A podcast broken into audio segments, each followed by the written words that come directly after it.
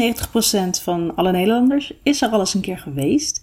En als ik je dit muziekje laat horen, dan weet je waarschijnlijk gelijk waar ik het over heb.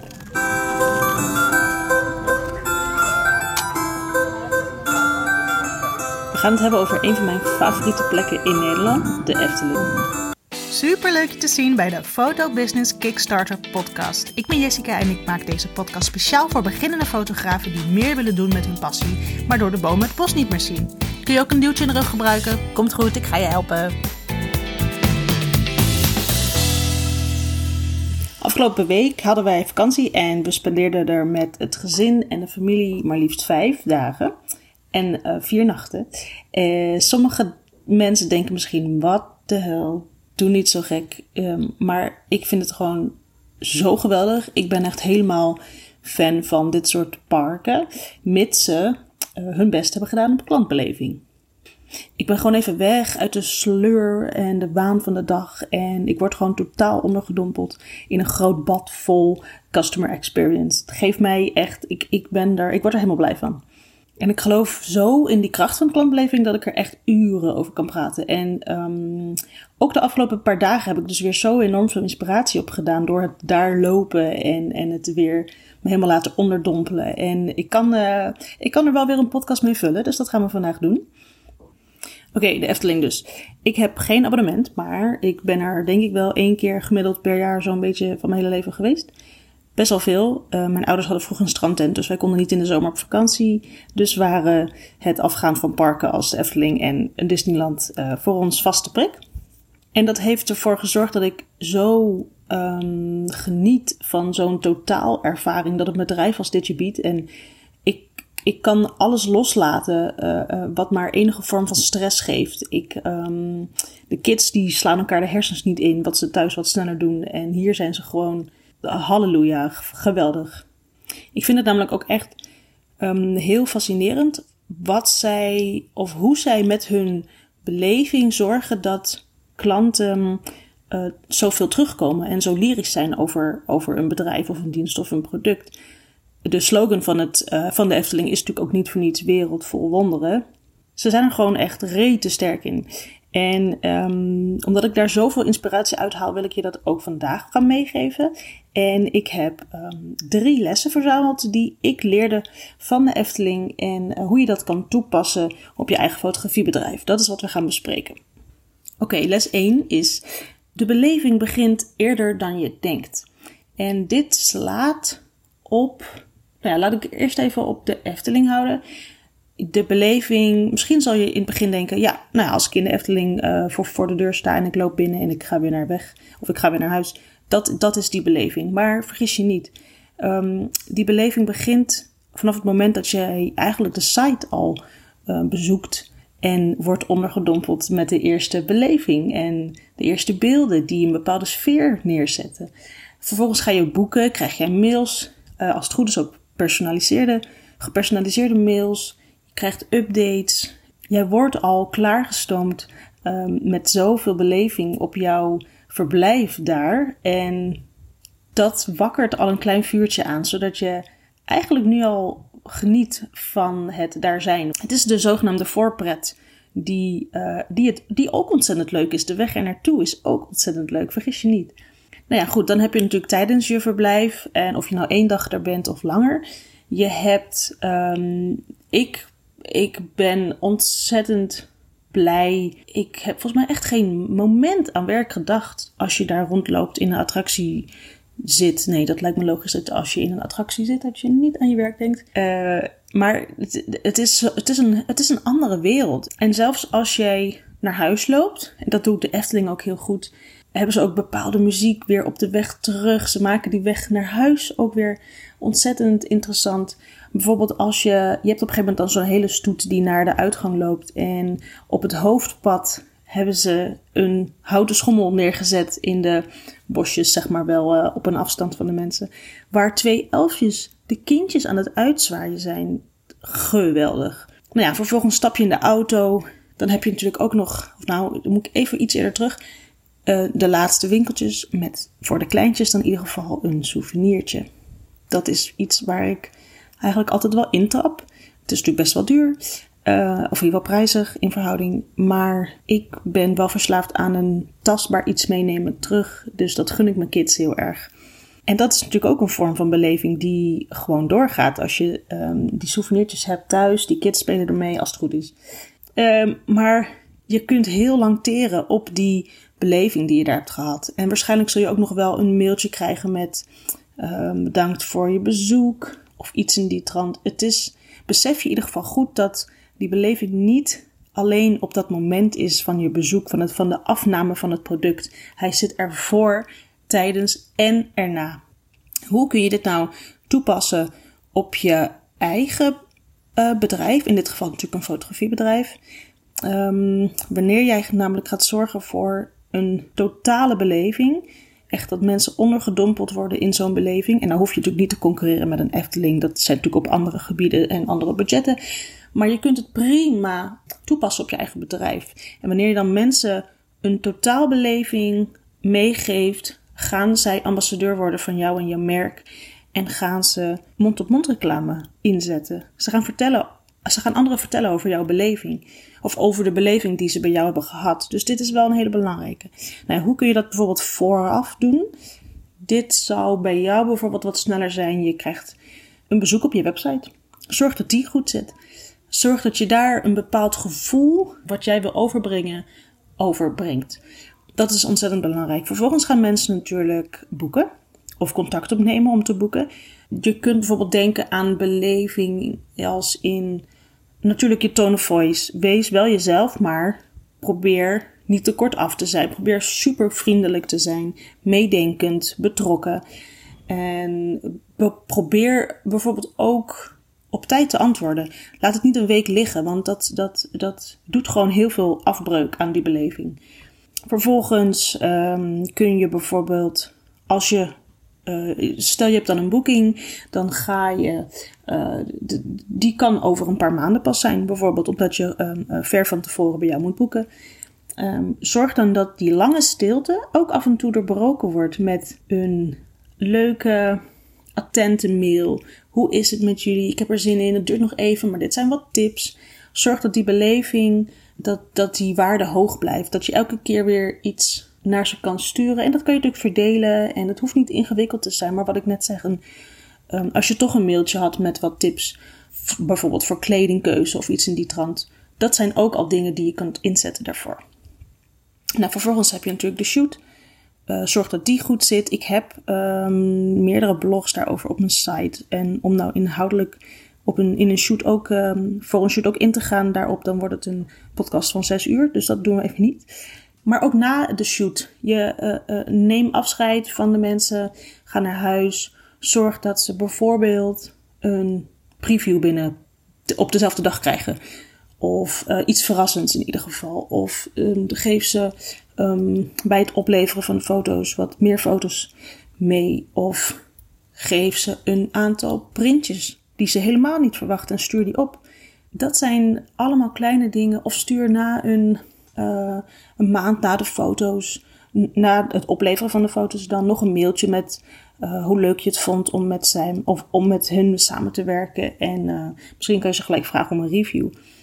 Dat zijn enkele voorbeeldjes van voor, tijdens en na het afnemen van jouw product om die belevenis hoog te houden. Oké, les 2. Het zit hem in de details. En dit is, daar kun je jezelf helemaal in verliezen. Ik ga weer even eerst beginnen met het met de Efteling. Nou ja, ik denk dat iedereen dat weet. Van elk steentje tot elk boompje, tot elk stoeltje, tot elk dakpannetje. Het klopt gewoon 100%. Het is onderdeel van een verhaal. Het is onderdeel van de beleving. Het is, de vuilnisbakken hebben bepaalde vormen, kleuren, maten. Nou, over, over vuilnisbakken gesproken. In de details het zorgen dat je je vuilnis kunt weggooien is vrij logisch. Mensen maken vuilnis, mensen maken rommel en die moeten dat ergens kwijt. Eten, drinken. Efteling. Dan denk je gewoon aan Hollebolle Gijs. Hoe geniaal is het dat je zelfs van iets doodnormaals, iets kleins als het weggooien van je brullen, een attractie maakt. Volgens mij gaan er echt tienduizenden uh, proppen papier of inmiddels ook blikjes, plastic en alles door die mond van Hollebolle Gijs. Het is een attractie op zich. De mensen houden uh, zelf het park schoon voor een groot deel. Kindertjes staan in de rij, er worden foto's bijgenomen en dan heb je het over een prullenbak. Nou, die details, geniaal. Probeer dat bijvoorbeeld ook voor jouzelf te doen. En dat kan hem zitten in de kleding die jij aan hebt tijdens een shoot. Zorg dat die matcht met jouw huisstijl. Ik ben nu even lukraak uit mijn hoofd aan het bedenken welke details. Je, je, nou ja, goed, logisch dat je website in de detail moet kloppen. Um, je verpakkingen, als jij een albumpje opstuurt, die kleine details, zeker dat soort cadeautjes die ze uitpakken. Als dat in een kartonnen doos aankomt zonder strikje erin of zonder leuk frummeltje of een plakkertje of een stickertje of een glittertje. Um, dan is het niet veel anders dan dat je hem van bol.com krijgt. Ja, heel leuk. Heb je besteld, dat verwacht je. Maar doe iets wat, niet, wat ze niet verwachten. Dat, dat een heel klein detailtje, dat kan al heel groot uitpakken. Een kaartje sturen um, uh, en dan een kaartje wat weer gewoon klopt met je huisstijl, dat soort dingen. Zorg dat je bijvoorbeeld de namen van je van je hele gezin als je een gezinsshoot doet kent. Dat zijn die kleine details die kunnen zo belangrijk zijn in die beleving van, de, van, van, je, van je klanten. Dat ze dat uber attent vinden. Um, om bijvoorbeeld alle zesde kinderen, ik zeg maar wat, bij voornaam te, te, kennen. Dus het is gewoon heel belangrijk om jouw bedrijf of de details van jouw bedrijf, de details die voor de klant zichtbaar zijn, om die net zo belangrijk te vinden als de onderdelen die de grote hoofdlijnen bepalen. Want het zijn juist de mensen die, het, die zich zo laten verrassen door, het, um, door die goed geregelde details, dat dat echt gaat bijdragen aan die totale beleving. Oké, les nummer drie is: het mag best wat kosten.